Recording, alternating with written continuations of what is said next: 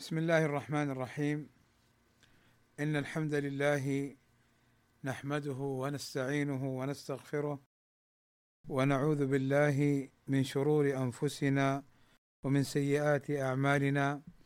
من يهده الله فلا مضل له ومن يضلل فلا هادي له. وأشهد أن لا إله إلا الله وحده لا شريك له وأشهد أن محمدا عبده ورسوله. ألا وإن أصدق الكلام كلام الله وخير الهدى هدى محمد وشر الأمور محدثاتها وكل محدثة بدعة وكل بدعة ضلالة وكل ضلالة في النار. أما بعد فنتدارس في هذا اللقاء إن شاء الله تعالى علما مهما وعلما نافعا بإذن الله تعالى. وهو ما يعرف بعلوم القرآن علوم القرآن. وعلوم القرآن المراد بها المسائل والمعارف والعلوم المتعلقة بالقرآن الكريم من حيث نزوله وجمعه وتفسيره والمكي والمدني وما يتبع ذلك. فعلوم القرآن هذا العلم الذي يشتغل به يسهل عليه فهم كتب التفسير ويسهل عليه التدبر لكتاب الله عز وجل.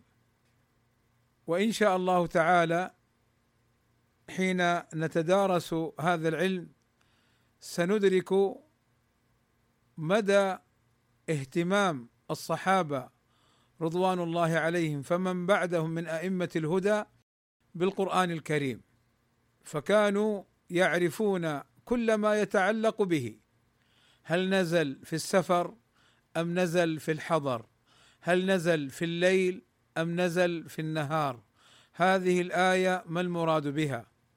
ولا يفوتني أن أذكر هنا قول ابن مسعود رضي الله عنه لما قال ما من آية في كتاب الله إلا وأنا أعلم ما المراد بها. ولو أعلم أن أحدا أعلم مني بكتاب الله تشد إليه المطايا أي يرحل إليه لرحلت إليه. فكان الصحابة فمن بعدهم يهتمون بالقرآن الكريم كل ما يتعلق به. وهذا مصداقا لقوله تعالى إنا نحن نزلنا الذكر وإنا له لحافظون.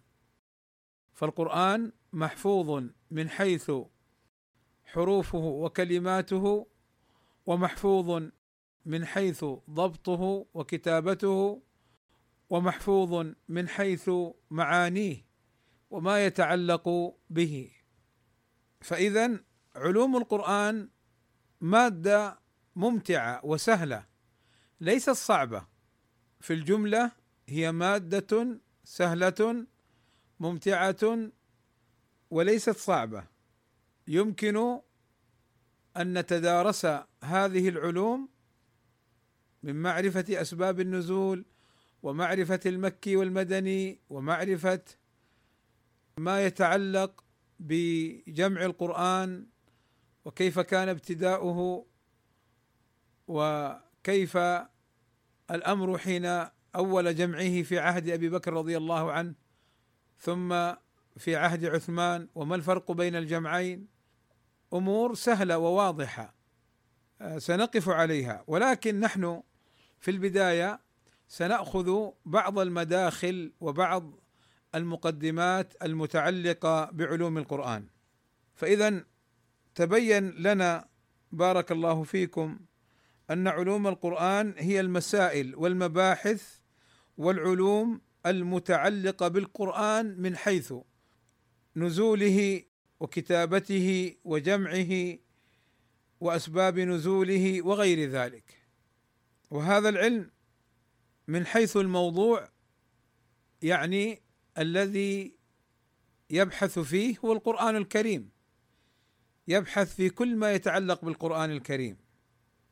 وهذا العلم من حيث فضله وشرفه معلوم أنه أفضل العلوم أنه أفضل العلوم وأهمها لتعلقه بالقرآن الكريم الذي هو كلام الله عز وجل. وكما يقول العلماء إن شرف العلم بشرف المعلوم. وقد وردت أدلة كثيرة تدل على شرف القرآن وفضله ولا أظن أني بحاجة لسردها لأنني أعتقد أننا كلنا نعرفها كقوله صلى الله عليه وسلم الماهر بالقرآن مع السفرة الكرام البررة والذي يتتعتع فيه له أجران. وقوله صلى الله عليه وسلم من قرأ حرفا من كتاب الله فله حسنة والحسنة بعشر أمثالها. لا أقول ألف لام ميم حرف ولكن ألف حرف ولام حرف وميم حرف. وكقوله تعالى بل هو قرآن كريم. في كتاب مكنون. وثمرة وفائدة تعلم هذا العلم أعني علوم القرآن أنه بمعرفته يحصل الفهم والعلم بمعاني القرآن الكريم وبمعرفته يحصل الفهم أيضا لتفسير المفسرين كذلك من ثمرة تعلم هذا العلم ما فيه من الأجر والثواب من الله عز وجل مع ما يدخر لصاحبه من حفظ في الدنيا والآخرة. وأيضا معرفة كيف كان النبي صلى الله عليه وسلم ينزل عليه الوحي ومعرفة كيف كان الصحابة يتلقون القرآن ومعرفة ما بذله الصحابة فمن بعدهم لحفظ هذا الكتاب العظيم. ولا شك أن المسلم الذي يعرف العلوم المتعلقة بالقرآن الكريم تتفتح مداركه ويسهل عليه العلم لأن العلم كما قال الزهري أو بعض السلف العلم أودية وشعاب. فاسلك واديا واديا. أي خذه شيئا فشيئا.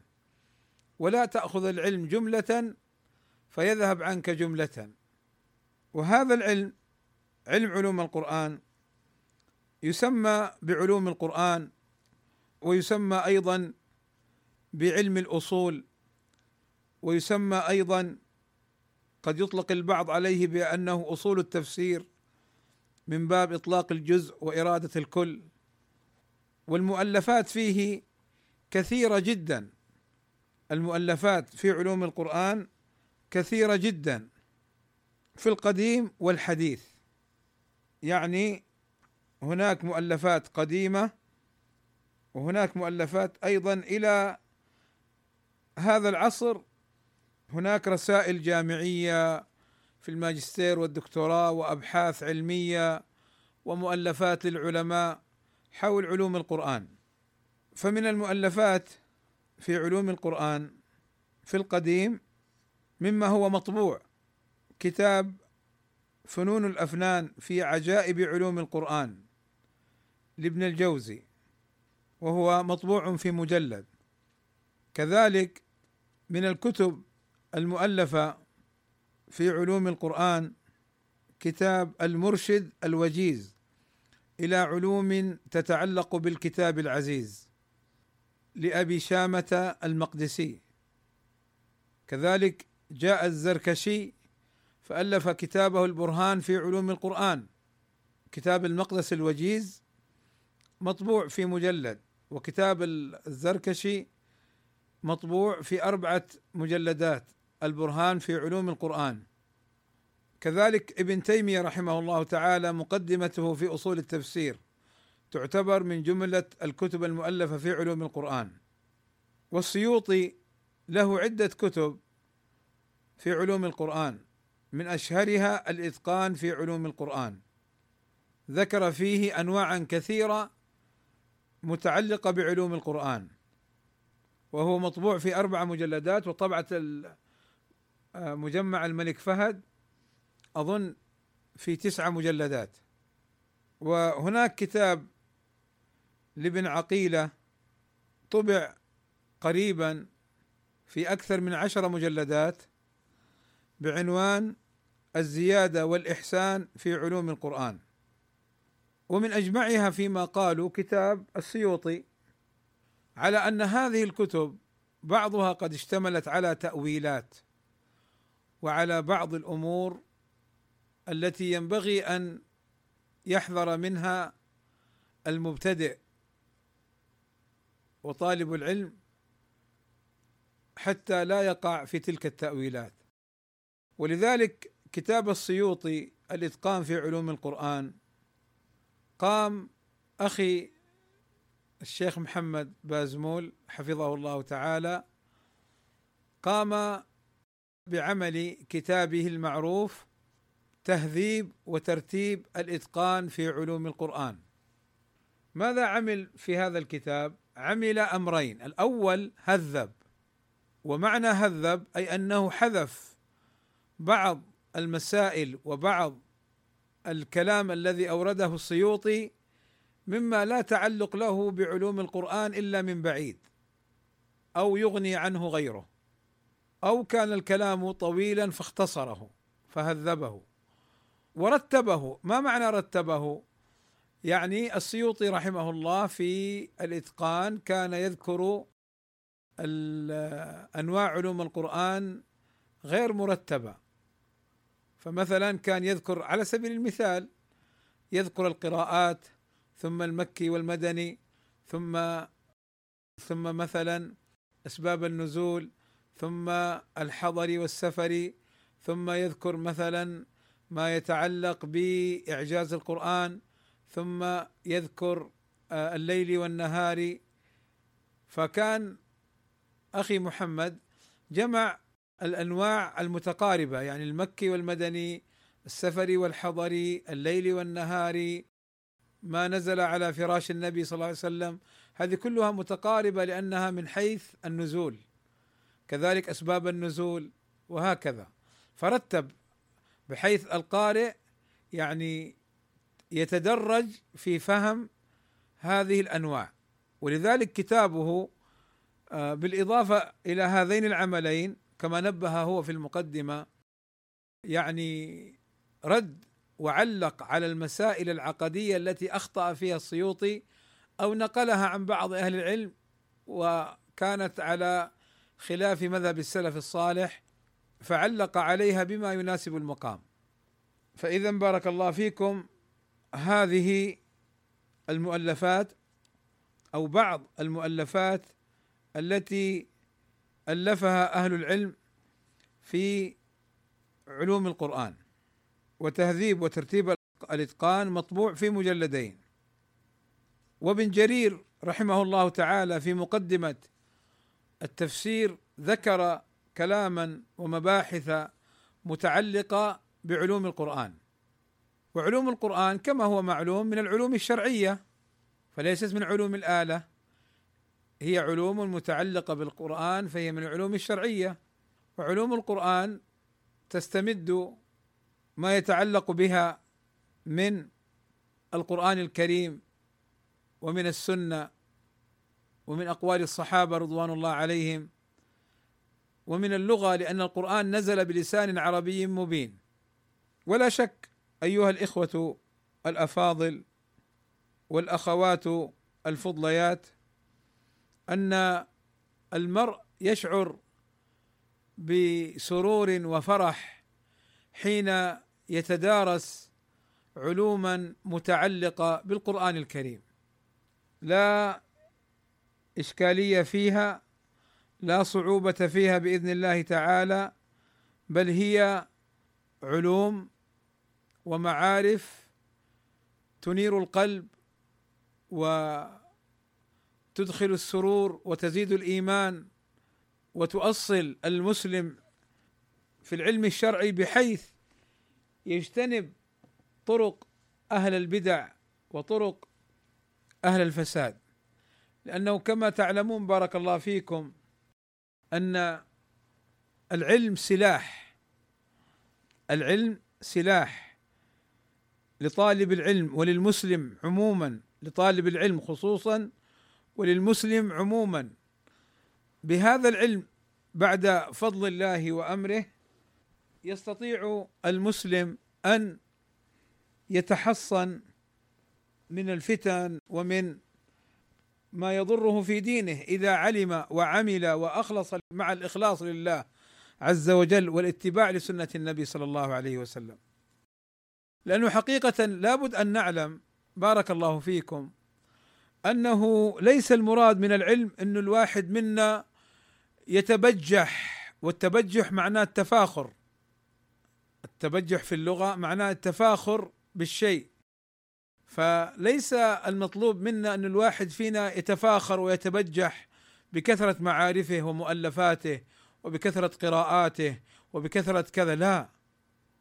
إنما المقصود بالعلم أن يكون العبد يسير على بصيرة ونور وهداية من الله عز وجل على الصراط المستقيم. نحن دائما نقول اهدنا الصراط المستقيم. دائما نقول اهدنا الصراط المستقيم. ونسأل الله الهداية والهداية هداية البيان والإرشاد ثم هداية التوفيق والاستجابة ثم هداية الثبات واللزوم. لأن بعض الناس يتخبط يتخبط لا يعلم يتكلم في دين الله بغير علم. يسير في عبادته بغير علم فيتخبط فيكون حاله كحال النصارى الضالين الذين عبدوا الله على جهالة. وبعض الناس يعلم الحق ولا يعمل به فيكون حاله كالمغضوب عليهم من اليهود الذين علموا وعملوا بخلاف ما علموا. اليهود علموا ولكنهم عملوا بخلاف ما علموا فكانوا من المغضوب عليهم. وقد جاء عن النبي صلى الله عليه وسلم فيما صححه الألباني أن النبي صلى الله عليه وسلم قال غير المغضوب عليهم قال اليهود ولا الضالين قال النصارى. قال سفيان من ضل من عبادنا أشبه النصارى. ومن ضل من علمائنا أشبه اليهود. فهناك من يعلم ولكن يعاند ويخالف الحق. فهذا نسأل الله أن يهديه إلى الحق أو أن يكفينا شره لأن هذا فساده وضرره على الإسلام والمسلمين كبير. زلة عالم يتبع على زلته. ثم بعض الناس يعلم الحق ويعمل به ثم يتركه ويخالفه ويتغير فيقع في خلاف الحق. ولذلك بارك الله فيكم هذه القضية أعني العلم والتعلم قضية مهمة. لابد أن نعلم ما الحكمة منها وما المراد لأن هذه الصراعات وهذه النزاعات يظهر أن أصحابها منهم من لم يفهم هذه الأمور فيقاتل ويحارب ويتضارب ويتنازع وكذا وكذا لأنه ما فهم معنى العلم. العلم وسيلة وطريق إلى الله عز وجل وإلى جنته وإلى رضاه. وكذلك يعني نجد في الساحة بعض الجهال وبعض الذين يتظاهرون بالعلم وهم منه خواء فارغين. فيتكلمون في دين الله وفي المسائل بغير علم. فيضلون ويضلون كما جاء في الحديث. وليس العجب من ذاك الجاهل الذي يتكلم في دين الله بغير علم فهو جاهل. ولكن العجب من عامة الناس الذين كما يقول ابن رجب الواحد منهم من هؤلاء الذين يرجعون لهؤلاء الجهال.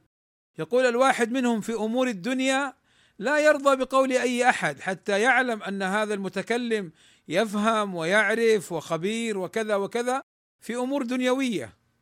وأما في أمور الدين فيأخذها عن كل أحد. فلا شك أن هذا من العجب. اذا بارك الله فيكم. علوم القرآن كما تعلمون هذه الكلمة مركبة من كلمتين علوم وقرآن. والعلوم جمع علم. والعلوم جمع علم. والعلم هو مجموعة المسائل والأصول مجموعة المسائل والأصول الكلية سواء في علوم القرآن أو في علوم السنة أو في علوم الفقه أو غيرها فهذا هو العلم. إدراك الشيء على ما هو عليه أو معرفة الشيء على ما هو عليه. والقرآن القرآن معروف في اللغة. قالوا القرآن في اللغة اسم وعلم. القرآن الذي هو الكتاب الذي أنزل على نبينا محمد صلى الله عليه وسلم اسم وعلم عليه. وفي اللغة قيل إن القرآن هكذا اسم لم يؤخذ من كلمة أخرى فلم يؤخذ من كلمة قرأت قراءة وقرآنا. وإنما القرآن اسم لم يسبق أن يستعمل مثل التوراة والإنجيل والقرآن. وقيل القرآن اسم مأخوذ من كلمة قرأت بمعنى الجمع والضم والقرآن قد ذكره الله عز وجل في قوله انا علينا جمعه وقرآنه فإذا قرأناه فاتبع قرآنه. الشافعي رحمه الله تعالى فيما نقل عنه يرى أن اسم القرآن مثل التوراة والإنجيل لم يؤخذ من كلمة أخرى أما القرآن في الشرع ما هو ما هو تعريف القرآن؟ عرفه العلماء بقولهم كلام الله تعالى المنزل بواسطة جبريل على نبينا محمد صلى الله عليه وسلم المتعبد بتلاوته المعجز بأقصر صوره وآياته. المبدوء بالفاتحة والمختوم بالناس. فقولهم كلام الله خرج به كلام البشر. فالله عز وجل تكلم بالقرآن على الحقيقة. قال الله عز وجل وإن أحد من المشركين استجارك فأجره حتى يسمع كلام الله. وقال الله عز وجل وكلم الله موسى تكليما. وكلم الله موسى تكليما. فالله تكلم بالقرآن حقيقة سمعه منه جبريل ثم نزل به على النبي صلى الله عليه وسلم. والمنزل على محمد صلى الله عليه وسلم يعني غير التوراة والإنجيل لأن التوراة أنزلت على موسى والإنجيل أنزل على عيسى وغير ذلك فالقرآن مختص بالنبي صلى الله عليه وسلم.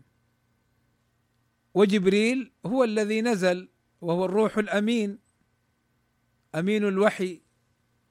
نزل به الروح الأمين جبريل عليه الصلاة والسلام المتعبد بتلاوته ومعناه أنه يقرأ به في الصلاة أنه يقرأ به في الصلاة. وليس معنى المتعبد بتلاوته أنه يؤجر بقراءته لأنه هذا معلوم من أمر آخر. ولكن مرادهم بقولهم المتعبد بتلاوته أي الذي يقرأ به في الصلاة. فرقا بينه وبين الحديث القدسي. فلا يقرأ في الصلاة بالحديث القدسي. المعجز بأقصر آياته وسوره. فالله تحدى الإنس والجن أن يأتوا بمثل هذا القرآن أو ببعض آياته وسوره فما استطاعوا إلا كلام هذيان مثل ما فعل مسيلمة الكذاب يا وبر يا وبر لك أذنان وشعر. كلام تضحك منه الثكلى. أما القرآن فهو معجز ولذلك من عجائب هذا القرآن أن العجمي لو سمعه لتأثر بسماعه وهو لا يفهم كلماته لأنه استشعر أن هذا الكلام ليس من كلام البشر بل هناك من آمن لما سمع شيئا من القرآن. المبدوء بالفاتحة والمختوم بالناس الذي وقع الإجماع على أنه قرآن مما جمعه أبو بكر رضي الله عنه في زمنه وعثمان رضي الله عنه في زمنه وأجمعت الأمة على أن هذا هو القرآن وأن ما سواه وأن ما سواه يكون من القراءات الشاذة. مما ينسب أو مما ينقل عن بعض الصحابة أنه قرأ بكذا بخلاف ما جمع فيكون من القراءات الشاذة. لأن الله يقول ما ننسخ من آية أو ننسها نأتي بخير منها أو مثلها. فاذا القرآن كلام الله خلافا لأهل البدع والأهواء. الله يقول في كتابه وإن أحد من المشركين استجارك فأجره حتى يسمع كلام الله. وهذا صريح في الدلالة على أن القرآن كلام الله عز وجل. اذا بارك الله فيكم. وقفنا على جملة من الأمور المتعلقة بعلوم القرآن أو كمدخل لعلوم القرآن.